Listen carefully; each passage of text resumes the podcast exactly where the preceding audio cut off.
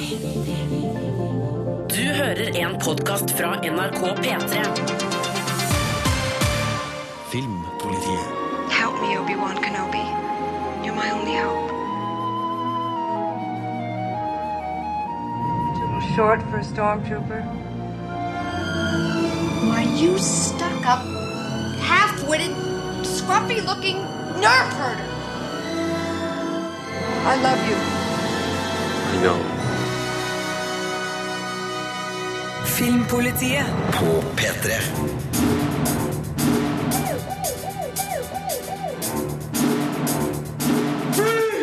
Filmpolitiet!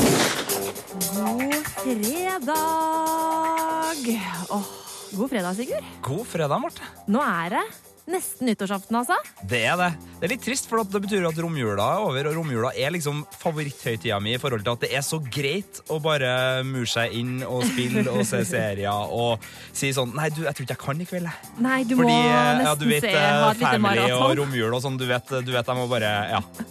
Det har vært mye film og mye serier og sånn i romjula. Har uh, tatt alle de tre store. Kino, eh, sofaen og godstolen. Ja, men i sendinga i dag så skal vi snakke om hva som rører seg fremover. Det er jo et nytt år med nye, spennende muligheter, så vi skal rett og slett kose oss med hva som kommer i 2017 her eh, i Filmpolitiet i dag, så heng med. I've always hated watching you leave. That's why I did it. So you'd miss me. I did miss you.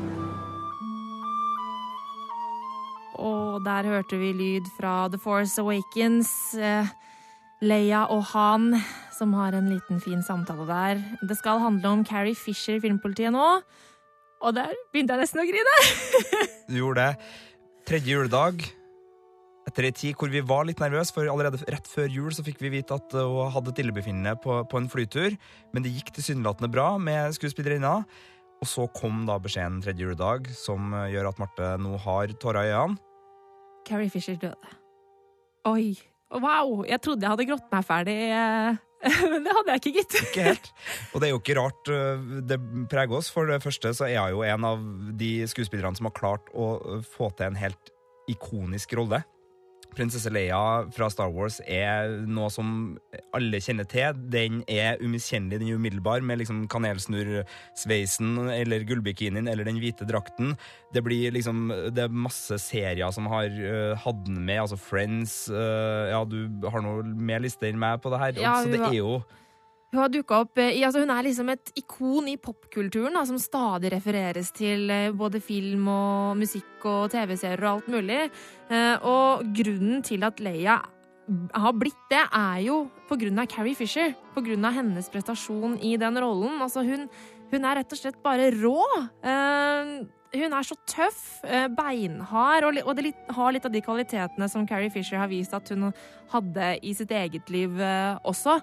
Um, en skikkelig tøff dame, som det er veldig trist at eh, vi har uh, mista. Um, og så er det jo også ekstra trist at mammaen hennes, Debbie Reynolds, døde bare dagen etter. Antageligvis det var en stor påkjenning å miste datteren sin. Uh, Singing in the Rain-stjerna, uh, for dere som ikke husker det. Men uh, Nei, altså, selv om mitt forhold til Carrie Fisher er jo på en måte mest Star Wars, men hun har jo, hun har jo dukka opp i, i mange andre ting også, Sigurd. Hun har jo vært med i Family Guy. For oss som liker halvtimeslange eh, humorepisoder i det animerte landskap. Hun var sjefen til Peter Griffin på bryggeriet han jobba i på starten av serien. Og hun har jo spilt i drøssevis av filmer og serier. Jeg husker ikke så godt, men jeg vet at hun spilte i en film jeg likte veldig godt, som het uh, uh, 'Mannen med den røde sko', med Tom Hanks. Ja, mm. Eh, Mhm. så, så jeg prøver å, liksom, prøver å komme på hvor hun var, men jeg, jeg kommer ikke på det. Men hun har jo masse småroller, og også større ting hun har vært med på. Ja, hun har jo vært med i Da han møtte henne, for eksempel. Og også den Hanna og hennes søstre, Woody Allen-filmen. Så uh, nei, hun har gjort veldig mye bra, og hun og hun på en måte bemerka seg også liksom som en sånn feminist, da, må man nesten nevne når man snakker om Carrie Fisher. Hun har vært flink til å stå opp for kvinners rettigheter i Hollywood og uh, si mye dårlig om uh, hvordan uh, f.eks. kvinner over 40 blir behandla når det gjelder roller og sånne type ting. Så nei, hun uh, Filler'n, altså. Filleren. 2016, for et drittår, eh, må jeg bare få si. Det kan du så si. Og hun blir vel med i den neste Star Wars-filmen, for den Ja. er ferdigfilma, som kommer nå i, i 2017. Men vi skulle jo gjerne ha hatt med Leia videre, da. Ja, og hun eh, hadde Visstnok så skulle hun ha en stor rolle i episode 9. Men jeg må bare få si, vær så snill, ikke bring henne tilbake som et sånt CGI-monster i Star Wars episode 9. Det vil vi ikke ha. La oss huske Leia som hun var.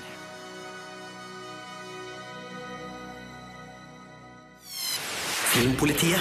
Filmpolitiet. Les mer om film, spill og serier på p3.no Filmpolitiet. Nå er det kinofilm på programmet her i Filmpolitiet. Storfilmen Passengers den hadde jo premiere første juledag. Eh, norske Morten Tyldum har regi eh, på filmen, som har Jennifer Lawrence og Chris Pratt i hovedrollene. Og eh, Birger Vestmo han syns at det her er en visuelt lekker film. Men at det ikke akkurat gnistrer eh, i kjemien eh, mellom eh, Pratt og Lawrence. We boarded the Avalon with a destination. 120 years hibernation means a wake up in a new century on a new planet. But a year ago, everything changed.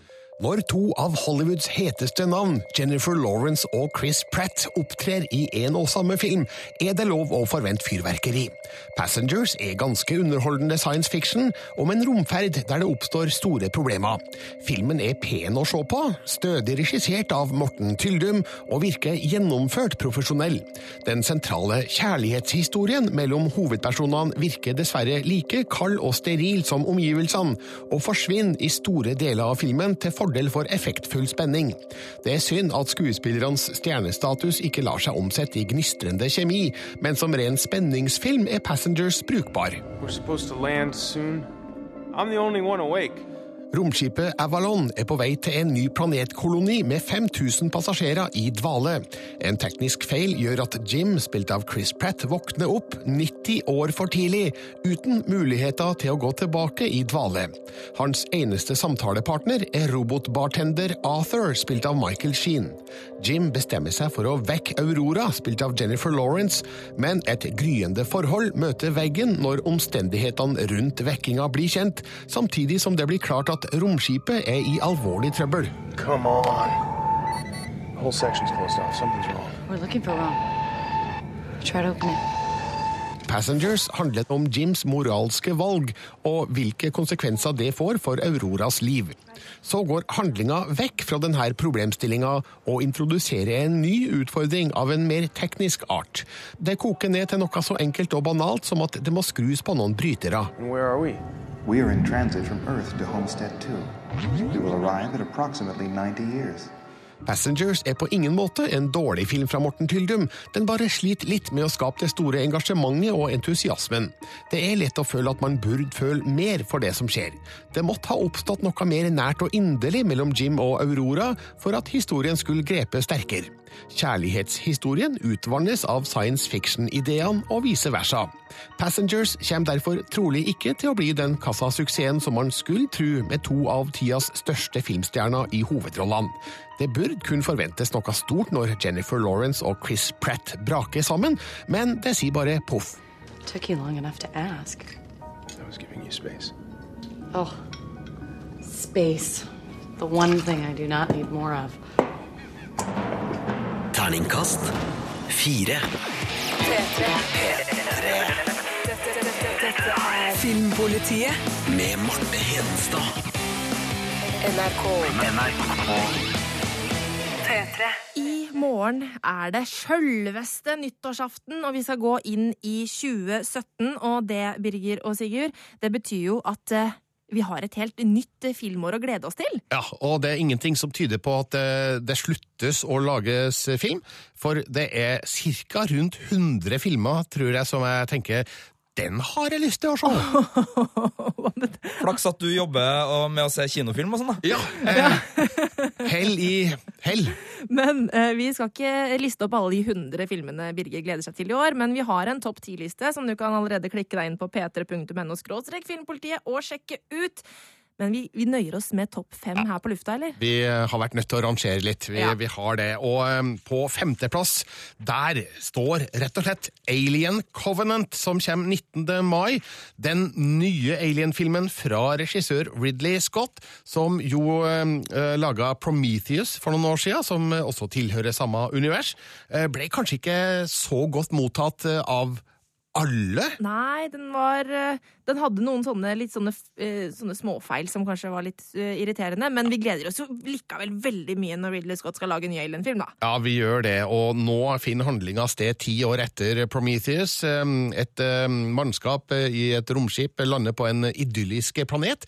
Der finner de da uh, David, spilt av Michael Fassbender, humanoiden fra Prometheus-filmen. Um, og så oppdager de etter hvert at uh, planeten kanskje ikke er så idyllisk likevel. Det, det, er det, vi, det er det vi vet da om, om handlinga. The Alien Covenant. Og så, Det er jo flere oppfølgere på denne topplista her, blant annet nummer fire. Star Wars episode åtte. Og jeg gleder meg så mye. Hvorfor det, Marte? Fordi Force Awakens var så sykt bra, og nå får vi endelig vite altså, hva, hva er det som skal skje mellom Ray og Luke. Altså, skal han lære henne til å bli en Jedi? Det, det blir utrolig spennende å finne ut. Jeg tror at det blir kjempeartig å se det på kino. 15. desember i hvert fall kommer den. Mm. Star Wars episode 8. Vi, vi lurer på hva den skal hete, da. Det vet vi Ja, ikke. nei, det vet vi jo ikke ennå. Men på tredjeplass vet jeg at det er en film du gleder deg veldig til, Sigurd. Christopher Nolan kommer med en real krigsfilm eh, til det blir vel sommeren eller høsten at Dunkerque får premiere, basert da på et eh, slag på, under andre verdenskrig på den franske kysten.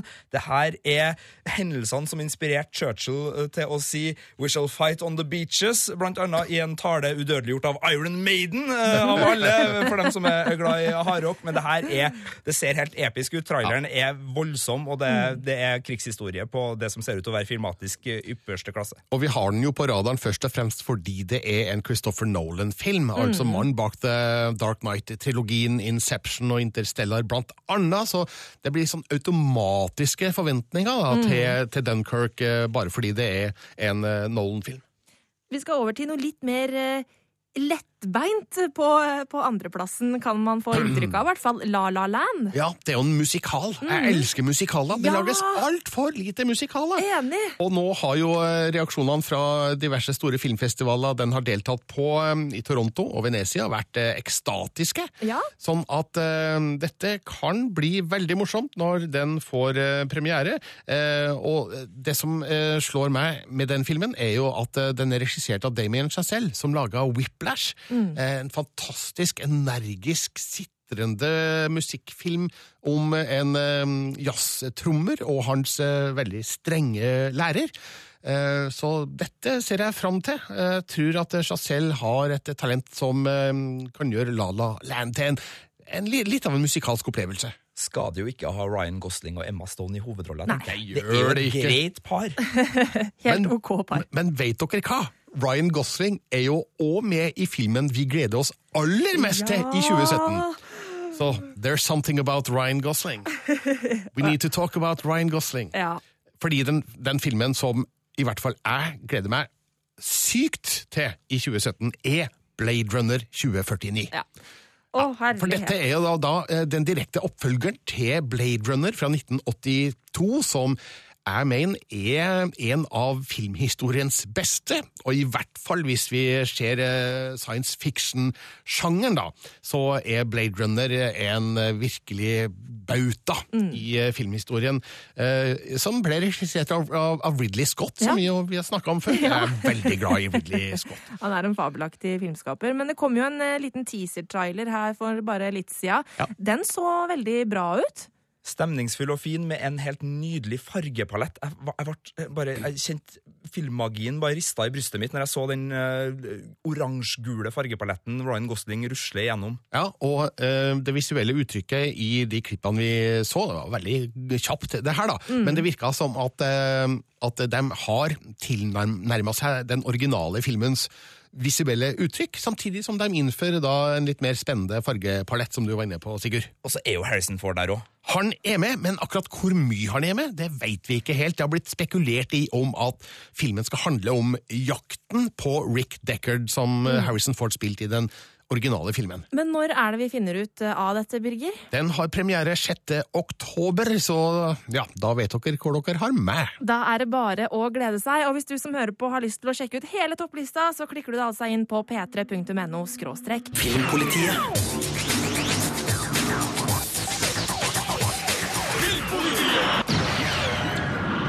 Filmpolitiet anmelder film. Infatti, per esempio, l'Elena quando sta sotto la doccia o si insapona o canta, altrimenti si impalla. Bella Vero. Fatto tanto ridere. Perfekte fremmede finner sted rundt et middagsbord, men historien er alt annet enn stillesittende. Det her italienske dramaet handler om hemmelighetene vi har for hverandre, og hva som kan skje når de kommer frem i lyset. Utgangspunktet virker kanskje litt søkt, samtidig som filmens figurer lar leiken gå så langt at det ikke lenger er helt troverdig. Men Perfekte fremmede er elegant spilt og serverer noen sannheter om voksne parforhold som det skal gå an å kjenne seg helt eller delvis igjen i. Ma adesso a Diego che succede? Senza moglie e senza figlio. Certo, però ragazzi, che brutta cosa. Tre vennepar og en singel møtes til middag en fredag kveld. Vertinnen Eva, spilt av Kasia Smutniak, tar initiativet til en spesiell leik. Alle legger mobiltelefonene på bordet og må lese høyt meldinger som kommer inn, eller ta imot samtaler på høyttaler. Selvfølgelig renner det inn med kompromitterende meldinger og oppringninger. Det kommer hemmeligheter for en dag som setter alle forholdene på prøve, samtidig som en måneformørkelse er underveis. Che c'entra? Però pure tu cancella questi messaggi. Mi sembra l'ABC. Quando scopri una ragazzina, starci attento, no? Eh. Perfekte fremmede heter det den heter fordi det viser seg at figurene ikke kjenner hverandre så godt som de tror at de gjør. Filmen skildrer godt hvordan vennskapelige forhold, og sjøl langvarige kjærlighetsforhold, kan være skjøre når motgangen melder seg. Denne fredagskvelden er kanskje i overkant full av komplikasjoner som tar over for hverandre etter tur og orden, og sliter litt på historiens troverdighet. Samtidig er det lett å forstå at regissør Paolo Genovese må holde konfliktnivået opp, slik at filmen ikke mister drivet, noe den heller ikke gjør i løpet av sine 97 effektive minutter.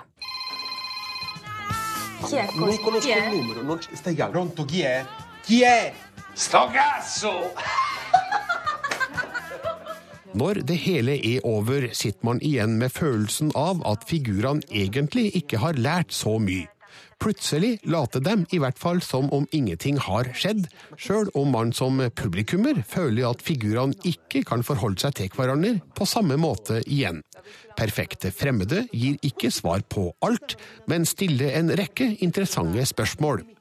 Filmen vant publikumsprisen på filmfestivalen i Haugesund, og den er akkurat god nok til å rettferdiggjøre det. Terningkast fire. Filmpolitiet. På P3. Har du noen nyttårsforsetter, eller, Sigurd? Seff. Jeg skal spise mer italiensk mat, for jeg føler jeg har forsømt det italienske kjøkken. Så lasagne, for eksempel. Mer. Dit må jeg. Mer spagetti bolognese. Og så oppdaga jeg en ting i jula.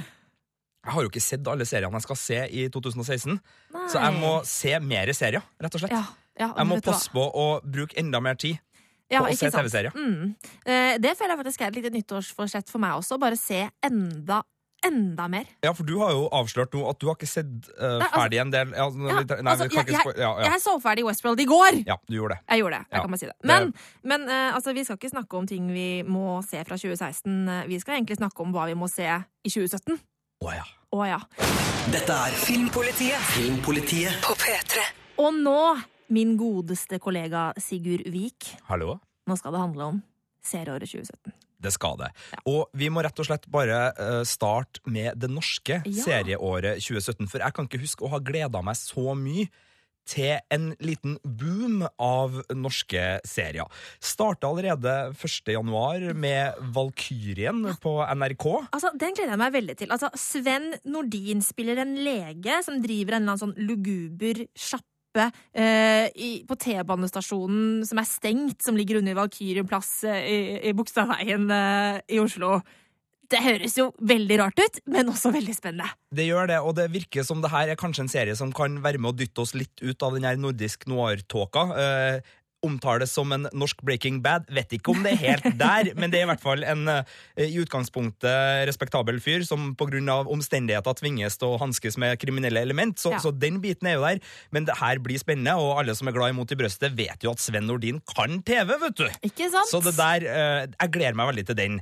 Og så er det jo eh, Unge lovende kommer med sesong to. Den gleder vi oss veldig til. Vi digga jo sesong én Ja, der. virkelig. Og Skam kommer med ny sesong. Så alle de tre vi, vi bare håper virkelig at det der funker. Og så er det jo sånn at uh, For å ta Skam litt videre, da. Det kommer en krimserie som heter Elven på TV3. Hvor Ja. eh, Thomas Hayes Ja. skal spille én av rollene. Altså, William, altså. William, altså Ja. der. Eh, Det gleder vi oss veldig til. Og det her skal foregå i Nord-Norge. Det skal være linka til kalde krigen. Det er visst et, et lik som blir funnet i elv, og som gjør at man må tilbake i, i tid til da det het Sovjetunionen og ikke Russland. Og på en dag som i dag så er det jo eh, greit å trekke litt storpolitiske tråder tilbake til da eh, verdensbildet var litt mer anspent. Eh, det funker jo veldig bra med The Americans, så hvorfor kan ikke det være et bakteppe som Altså, det skal ikke foregå på 80-tallet, altså, men, men kald krig er spennende, og, og elven ser veldig spennende ut.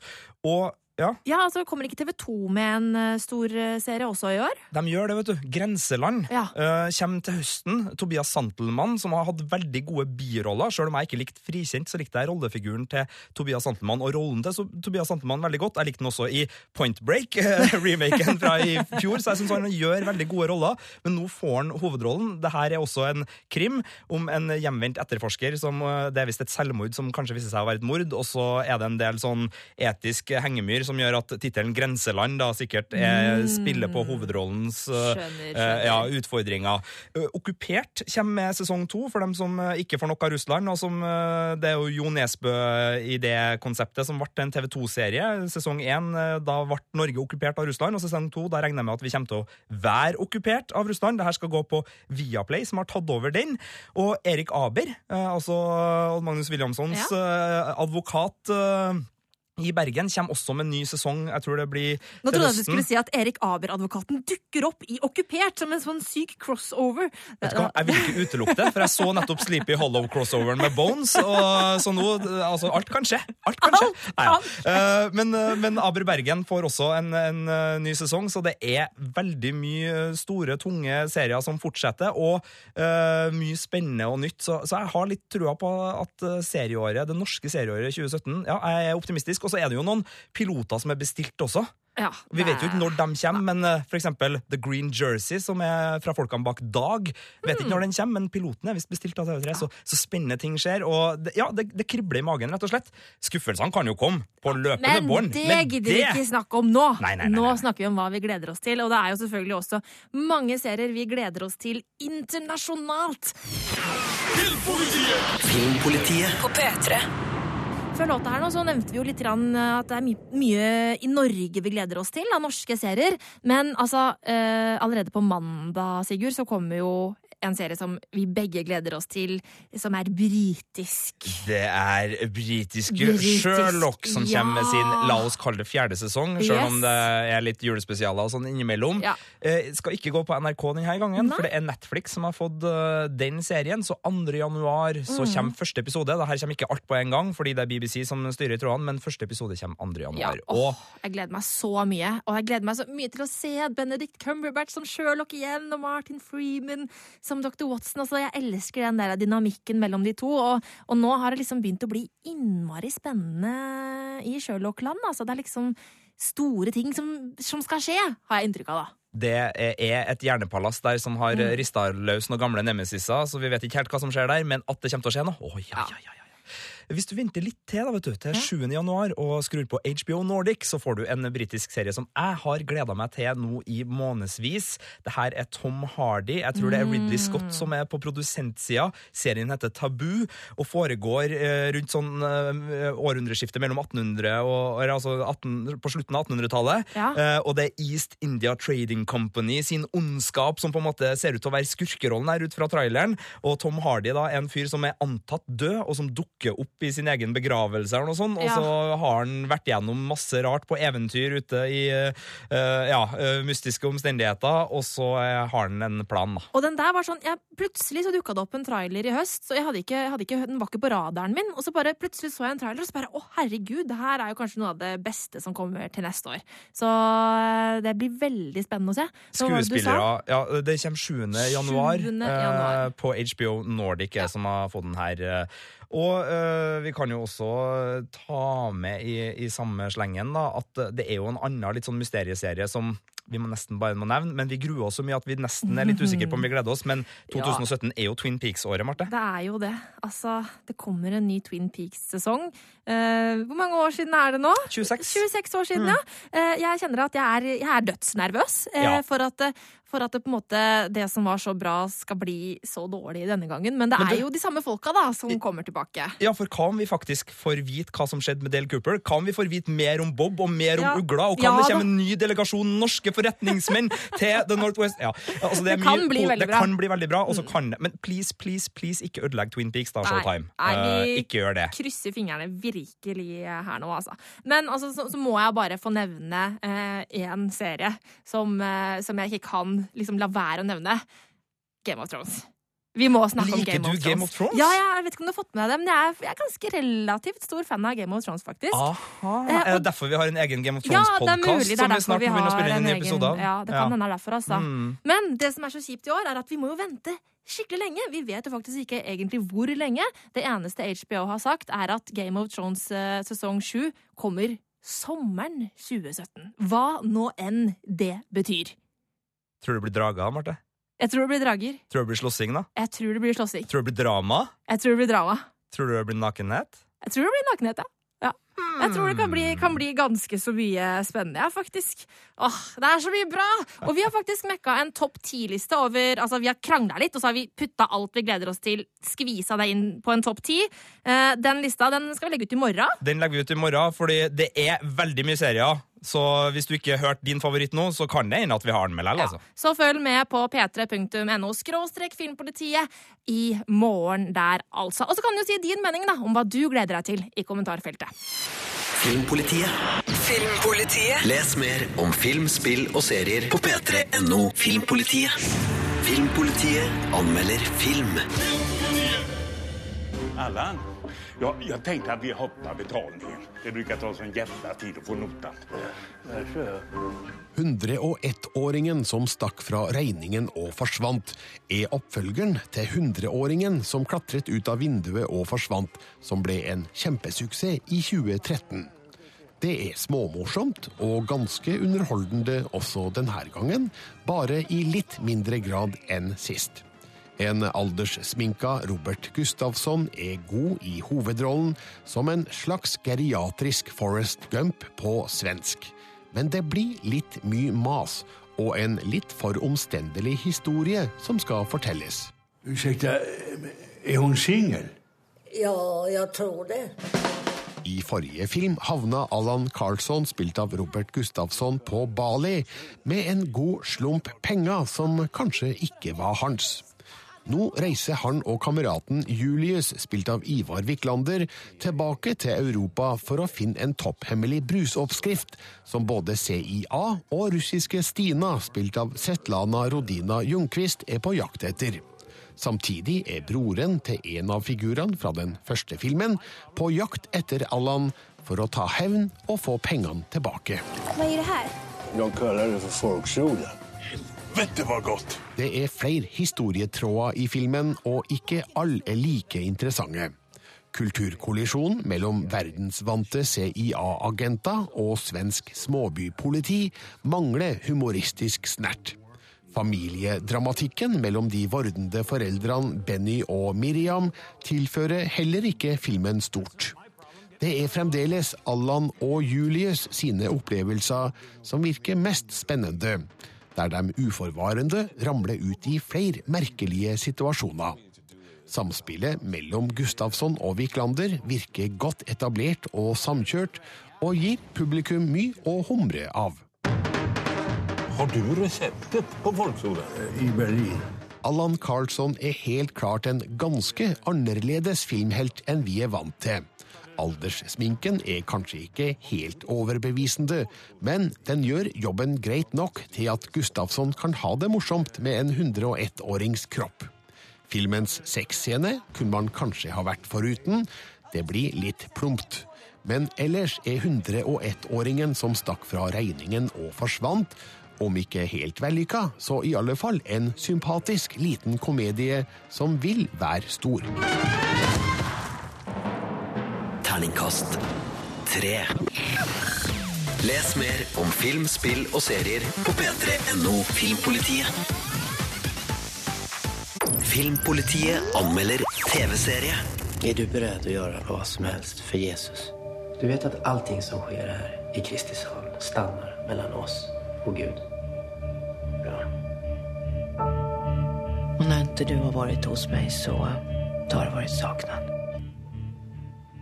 Spennende, spennende. Dette var lyd fra den nye serien Saknad. Sigurd Vik, velkommen i studio. Takk. Eh, Så vidt jeg har forstått, så er det her eh, Seymours første originalproduserte serie. Det er en eh, originalserie fra Seymour og svensk TV4 eh, som Ja. kommer på Seymour og TV2 Sumo 1. januar, altså på søndag blir vel det, hvis jeg kan Ja, det- kalenderen min. det er helt riktig. Eh, og det her er svensk eh, krim eh, i nordisk noir-sjangeren, så det synger etter. Det er Colin Nutley som er serieskaper her. Han er regissør, kjent annet for eh, Englagard-filmene og Under solen. Han er britisk, men har jobba mye i Sverige. Og så er det da Englegård-skuespiller Helena Bergstrøm, som spiller da hovedetterforsker Maja Silver, som kommer hjem til sin hjemby. eh, egentlig bare for å prøve å connecte med sin datter, for de har liksom ikke helt hatt, eh, vært på talefot. Eh, og så skjer det da et mystisk mord, eller Ja. selvmord kanskje, man er litt usikker. Og så skjer det masse praktiske tilfeldigheter som gjør at Maja Silver plutselig da er nødt til å etterforske denne saken. Hun må passe på å få forholdet til dattera si på rett kjøl. Hun må trene opp en ung og kul og ny eh, politikollega. Hun må kjempe mot en gammel rival Bla, i toppen. bla, ja, ikke bla, sant? Det er litt bla, bla, bla. Og i tillegg så er skurkerollen, som vi hørte, et uh, frikirkemiljø. Altså, det her er det svenske bibelbeltet. Den har liksom blitt omtalt som en sånn Knutby møte Englagård, møter møte Twin Peaks. Uh, jeg vet ikke, jeg. Jeg vet ikke. jeg. Det her er en sånn serie som gjør at jeg nå føler at vi er på tampen av nordisk noir-sjangeren. Er vi lei nå? Som, uh, som spennende og ny. Mm. Ja, fordi det her er ikke en serie som, som altså Det er masse serier sånn som Broen og Forbrytelsen og en del også norske, som har klart å bruke nordisk noir-sjangeren med liksom det hverdagsgråe, de store kjøringene over vann og over skog, uh, veldig sånn engasjerte etterforskere, en sånn besk realisme, til å fortelle uhyggelige miljøskildringer og veldig sånn magekriblende krimplott. Men denne serien bruker bare sjangeren som ei krykke. Har, det er fire episoder, det er aldri spennende. Dette er uengasjerende krim på sitt verste, på sett og vis, fordi det er masse gode tilløp her, men det er bare øh, karikerte dialoger og forslitte stereotypier som vi kjenner fra før. Vi vet hvordan det her skal gå, og det blir aldri mer enn kulisser, den her ondskapen i frikirkemiljøet, som jeg syns begynner, begynner å få mye etter seg. Altså, det er mange skandinaviske krimmer som tar religiøse miljø fordi de er lukka og hemmelighetsfulle, og bruker dem bare som en sånn praktisk skurkerolle. Ja. Så, så nei, det her var ikke helt greia, altså. ikke an. Sånn at eh, hvis du vurderte å ordne deg Seymour bare for å eh, se Saknad, så kan du kanskje drite i det, eller? Jo, men det er masse andre bra serier på Seymour, så jo, jo. for all del. Så for all del, for all del. Men Saknad, der nøyer vi oss med Terningkast to. Dette er Filmpolitiet på P3. P3. Åh, åh, åh. Det her er jo da selvfølgelig temaet fra The Legend of Zelda vi hører her. Det er vakkert. Det er vakkert. Det er det. Og uh, spillet The Legend of Zelda Breath of the Wild Ja. ser også Ja. vakkert ut. Og det var jo på eh, Altså, vi lager jo sånn toppliste hvert år hvor vi gleder oss til ting, og på topplista vår eh, Altså, i, i år, over ting vi gleda oss til i år, så var jo Legend of Zelda Breath of the Wild eh, på den lista. Men eh, det ble jo utsatt til 2017, så nå, nå, nå gleder vi oss til det igjen. Ja, og Vanligvis så er man litt sånn skeptisk når ting blir utsatt, men nå har Westworld på en måte bare bevist at det er helt greit å bli utsatt. Ja, for det gleda vi oss til mange år på rad. Det gjorde vi, og uh, vi så jo litt fordi uh, Jimmy Fellen, den her talkshow-verten i USA, Mhm. han hadde besøk av Nintendo-sjefen og fikk Mm. lov til å prøve Legend of Zelda Breath of the Wild litt på Twitch. Den nye Nei, Switch. Unnskyld, Yes, yes, beklager. yes. Eh, nye konsollen som kommer i mars, er det Ja, den kommer i mars, eh, og det ser jo veldig lovende ut. og- det her er jo det første Zelda-spillet som er i en åpen verden, og det vil jo gjøre veldig mye med hvordan handlingen i spillet fungerer, så dette blir veldig spennende. Ser du det, så kan du gå dit. Ja, det er eh, mottoet for spillet. Eh, Det som er litt interessant, er at vi, har, vi vet ikke noe dato enda. Vi vet bare 2017, men vi vet at Switch kommer en gang i løpet av mars. Og da tipper jeg at det ikke blir så lenge til, eh, til Breath of the Wild kommer også. Eh, Det spillet her ble jo lovet å komme til eh, Wii U, og det gjør det òg, men eh, jeg tipper at de aller fleste kanskje kommer til å kjøpe det til den nye Switch-konsollen. Kan kalle det et dødskyss til Wii U fra Nintendo. Det her er det spillet jeg gleder meg aller mest til i år, men Sigurd, du, du har en annen spillserie som Eller serie og serie. Ja, blir jo. Oppfølger blir serie nå, som du er veldig uh, gira på. Red Dead Redemption 2. Å Ja. ja. da. Å ja da. Eh, Jeg fikk meg ny TV, eller fikk meg, kjøpte meg ny TV på eh, romjulssalget nå, eh, og da flytta jeg gamle TV-en og PlayStation 3-en inn på soverommet. Ja. Og i går eh, Jeg rakk så vidt å putte eh, Red Dead Redemption i spilleren, for nå skal det spilles eh, på nytt igjen eh, som oppvarming. Eh, Men så måtte jeg ut på en liten bytur, så jeg, jeg rakk ikke å starte Nei. ordentlig i går. Jeg bare rakk å, å putte i. Men, men ja, eh, Red Dead Redemption.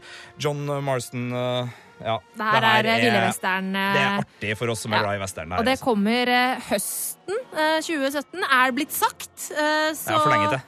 Det er jo en er stund du får, men du får kose deg med det første spillet i serien Uh, i Åh, det er for lenge til, Marte. Men, men Sigurd, det er jo masse andre gode spill som kommer i år, da. Og jeg gleder meg veldig til uh, en sånn uh, gjenskapning av noen gamle spill, nemlig Crash Bandicoot-serien. Husker du han derre jerven, den røde jerven som drev og løp rundt og spant? Og det var liksom sånn et av de første 3D-plattformspillene til PlayStation. Jeg husker den, men jeg må tilstå, jeg spilte aldri fordi Du en spilte aldri? grunn? Så, nei, det bare, det ble aldri så jeg spilte det. Fordi det var liksom så mye Fifa og Tekken og sånn i uh, vennegjengen, så det var liksom ikke et spill som ble eh, dratt opp hos oss. Nei. Men uansett, nå kommer det altså en, en eh, herlig samling av de fire spillene i serien på nytt til PlayStation 4, som er skikkelig sånn pussa opp og snasent å se på, så det blir eh, bra. Åh, hør på dette. Legend of Zelda, Breath of the Wild, altså det spillet jeg gleder meg aller mest til eh, i, til neste år. Vi skal legge ut en topp ti-liste på alle spillene som vi tror kan bli bra. Det kom, den lista kommer ut på søndag. Da kan du jo klikke deg inn og si din mening, for jeg tipper at det kommer til å bli ganske stor diskusjon rundt det. Filmpolitiet. Dette er P3. Du finner flere podkaster på p3.no podkast.